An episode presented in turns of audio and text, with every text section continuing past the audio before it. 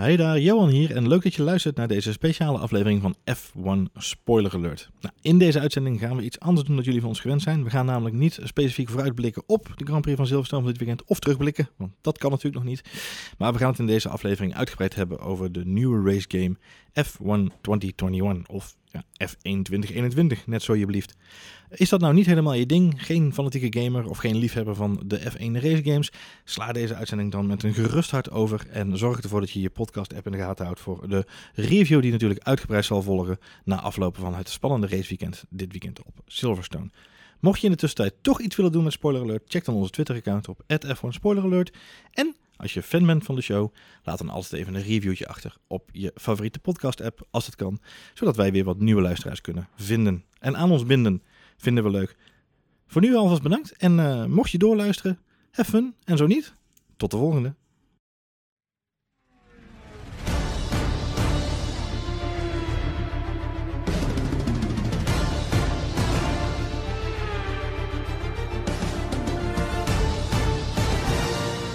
In aanloop naar de Britse Grand Prix op Silverstone dit weekend hebben Formule 1-fans twee dingen om naar uit te kijken. En het is dan weliswaar Race Week. Het is ook de week dat F1 2021 beschikbaar komt voor consoles, zowel next gen als current gen, en de PC. Maar hoeveel kan er nou eigenlijk beter aan toch al een dijk van een race game?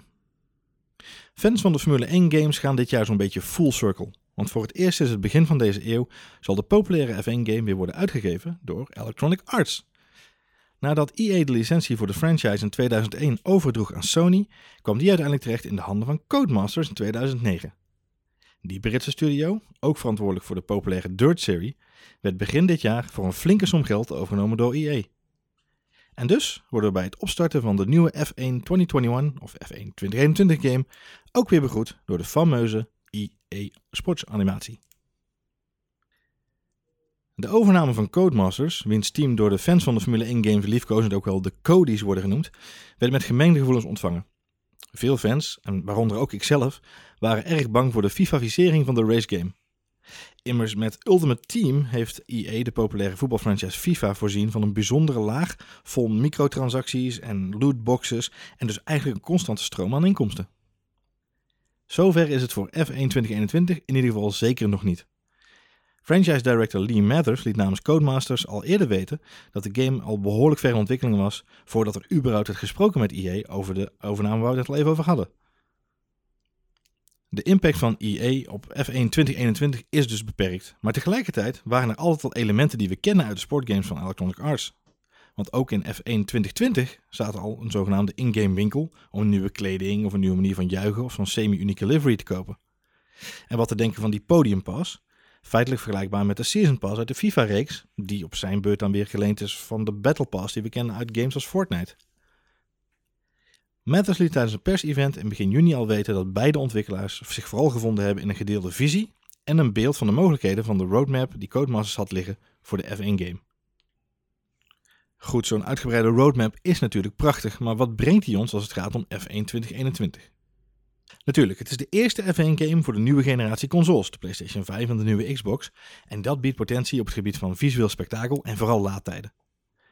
Maar voor mij, uh, testend op een vertrouwde PS4, het, console dat aan het einde van zijn lifecycle zit, ik moet toegeven dat ik met een beetje argwaan mijn vertrouwde F1 2020 cockpit verliet en de nieuwe F1 2021 instapte. Maar goed, alle twijfel bleek grotendeels ongegrond. Eenmaal op het virtuele rubber, op het asfalt, voelt de game als vertrouwd, maar met die new car smell die je wel kent, weet je, auto's. Hmm.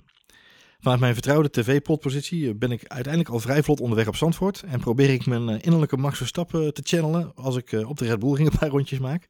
Omdat ik de instellingen heb overgenomen van mijn Logitech G29 en ook de pedalen heb ingeregeld vanuit F1 2020, merk ik al vrij snel hoe de auto's echt anders reageren dan in de vorige jaren. De RB16B voelt in dit geval ook bijna echt als een update van de auto uit 2020.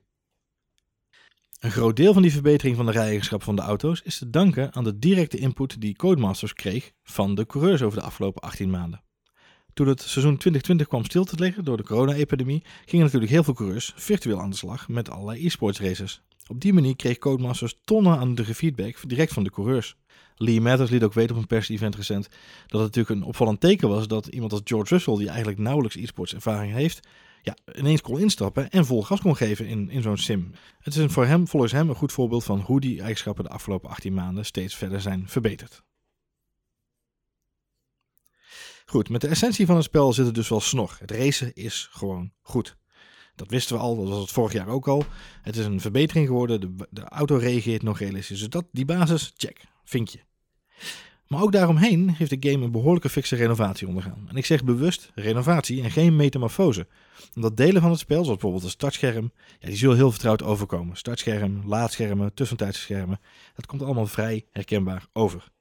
Het is allemaal in een wat frissere contrast gezet. Dus veel wit en veel, ja, veel eh, lichtere tinten. En dat geeft gelijk het gevoel van een hele nieuwe ervaring. De strakke visuals rond de teams en de coureurs maken ook direct duidelijk dat het oude vertrouwde honk van vorig jaar ondertussen ook wel een beetje gedateerd was. Ik opende na het spelen van F1 2021 nog even de game van afgelopen jaar, 2020. En dan valt op met die donkere omgeving en eh, met name de, de kleurstellingen. Ja, we waren wel toe aan een fris jasje. Maar misschien wel de belangrijkste upgrade, naast de behoorlijke winst overigens die er geboekt is in de laadtijden, laat ik die niet vergeten te onderstrepen, is de soundtrack van de game. Ik weet niet hoe jullie dat hebben ervaren, maar voor mij, die muzikale onderstroom, die geeft me nu niet langer het gevoel dat ik in een soort infinite loop ben beland. Een soort uh, gehaaste infinite loop. Uh, en hij werkt dus een stuk minder op de zenuwen tussen al die race-sessies door. Met name in de career mode, waarin de muziek op een gegeven moment echt een beetje op mijn, op mijn zenuwen begon te werken, dat is nu eigenlijk helemaal weg. Is het dan uh, alleen maar uh, grote duimen in de lucht, slingers aan de muur en uh, feestmuziek aan? Nou, niet helemaal. De nieuwe OSD, het onscreen display, vond ik in de versie die ik nu heb mogen testen een behoorlijke stap terug. Vanuit de playseat was het me niet direct visueel duidelijk of de DRS bijvoorbeeld goed activeerde. Uh, en bleek bij het gebruik maken van de Suggested Gears optie, die kun je natuurlijk aan en uitzetten in je, in je assists. Uh, dan krijg je een klein cijfertje te zien wat de volgende versnelling zou moeten zijn volgens de, de, de, de AI van de computer van de game. Ja, die, die cijfers waren allemaal vrij klein. En ik kreeg het MFD-menu niet helemaal lekker uitgelijnd, het multifunctional display menu, waardoor ik niet heel snel een, een setup of een strategieaanpassing kon maken. Dat was in de vorige game eigenlijk net wat lekkerder eerlijk ingetuned. Maar eerlijk is eerlijk, aan het fine-tunen van die OSD verlies ik eigenlijk bij elke nieuwe editie wel veel tijd. Dus aan de ene kant, uh, die tijd heb ik er nog niet ingestoken. Dus aan de ene kant zou je kunnen zeggen, misschien dat er nog wat meer tijd ingestoken moet worden om het echt helemaal te optimaliseren. Daarnaast, we hebben een vroege versie getest en de kans is natuurlijk vrij groot dat er met kleine updates, visuele en functionele aanpassingen worden gedaan aan de game. Waardoor dit eigenlijk in de definitieve game, die 16 juli zal verschijnen, hopelijk alweer een heel stuk beter ingeregeld is. In F1 2021 vind je natuurlijk ook weer alle bekende spelmodi waar je dol op was. Losse time trials of wedstrijden, je eigen team opbouwen in My Team en multiplayer online. Die laatste optie wordt dit jaar zelfs helemaal uitgebreid tot een complete eSports hub. Nou, dat hebben we nog niet kunnen testen vanwege het feit dat het natuurlijk een early release was. Maar het is wel te gek dat het gewoon nu nog meer op wordt ingezet. Wat daarnaast ook cool is, is dat je samen met een andere persoon aan de slag kan gaan in een carrière. De My Team optie wordt opgezet in een two-player career mode. Daarnaast is er ook dit jaar weer een Digital Deluxe Edition. En daarin zien we dit jaar maar liefst zeven nieuwe iconen terugkomen. En dat zijn iconen uit het verleden. Michael Schumacher, Ayrton Senna, Alan Prost, Jensen Button, Nico Rosberg, David Coulthard en Felipe Massa.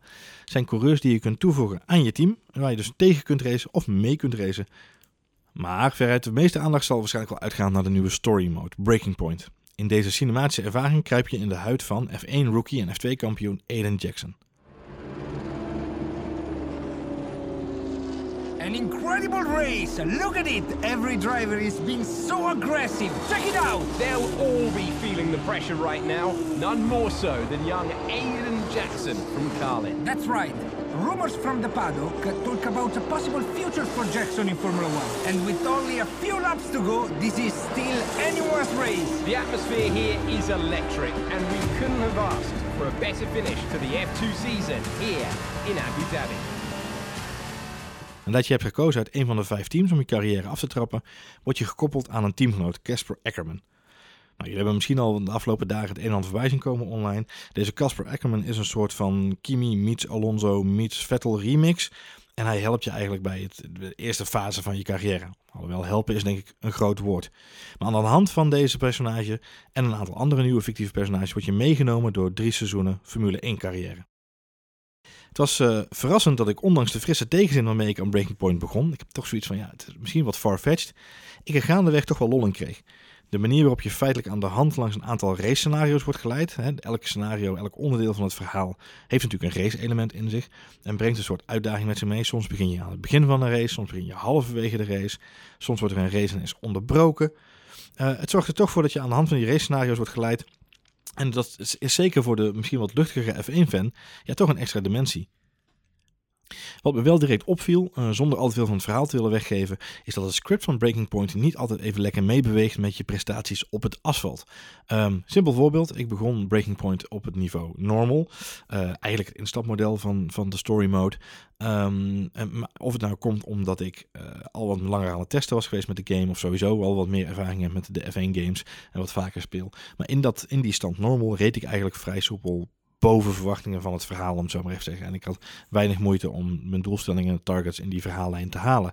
Uh, en zo reed ik in een van de verhalen, reed ik vanaf P20 terug naar een overwinning als debutant. Nou, dat zul je toch, uh, in menige race zou je daarvoor op de bank gaan staan en driver of the day stemmen, denk ik. In dit geval bleven de verslaggevers na afloop van dat scenario voornamelijk eigenlijk me complimenteren met het feit dat ik zo'n goede strijd had geleverd in het middenveld als jonge coureur. Het zijn van die kleine, kleine dingetjes die dan opvallen dat het script net niet lekker meebeweegt. Ondanks die kleine oneffenheden denk ik wel dat menig speler plezier kan hebben aan het spelen van Breaking Point. Uh, puristen en liefhebbers zullen waarschijnlijk hun tanden wel gaan zetten in My Team en de online de e-sports opties, maar voor gewoon startende spelers kan Breaking Point echt wel nuttig zijn. Nou ja, als volger van de sport zul je ondertussen misschien wel de vergelijking al getrokken hebben. En wat mij betreft is die ook terecht. Er is een zekere lijn tussen Breaking Point in de nieuwe F1 2021 game en de Netflix docuserie Drive to Survive. Veel fans zullen de verhaallijn van Breaking Point niet des F1's vinden. Tegelijkertijd, als Breaking Point kan doen voor nieuwe spelers van de F1 2021 game, wat Drive to Survive heeft gedaan voor nieuwe volgers van de autosport, dan zullen ze bij Codemasters echt niet klagen. Brian. Talk to me. You okay? Yeah, I'm fine. Listen, what happened out there today? I had it all under control and then... Look, let's not go through all that now. We'll talk about it at the debrief. Right, yeah. Thanks, Brian. But Casper? yes, he can get a little hot-headed, especially after a race. But you have got to work with him. That manoeuvre today. Wasn't my fault, Brian. It probably cost us points. I'll level with you. A lot of people on the team are disappointed, Aiden. And I'll be saying as much to Casper. Now, learn from it and move on. But you can't let it happen again. I'll see you at the debrief. Kun je iets goeds nog beter maken zonder de bestaande prestaties niet te doen? Het is de uitdaging waar Mercedes, Red Bull, McLaren en al die andere F1-teams jaarlijks voor staan. Voor Codemasters is het niet anders. Sinds 2016 heeft de ontwikkelaar een standaard hoog te houden, terug te zien in de gemiddelde score die de F1-games op PC en consoles ontvangt. Het zal dit jaar niet anders zijn, met de nieuwe generatie consoles voor het eerst in de mix. Net als de echte Formule 1 heeft F1 2021 eigenlijk een tussenjaar. De essentie van de game staat als een huis en met kleine verbeteringen kunnen grote resultaten worden behaald. Dat zien we vooral terug in de rij-eigenschappen van de auto's en het gevoel dat een nieuwe vormgeving in de soundtrack je geven. Codemasters heeft een waardige afsluiter opgeleverd en de lat hoog genoeg gelegd voor die eerste echte samenwerking met EA volgend jaar in 2022. Voor Formule 1-fans is F1 2021 opnieuw een must-have. En voor nieuwe volgers van de sport een hele fijne introductie in de race-serie.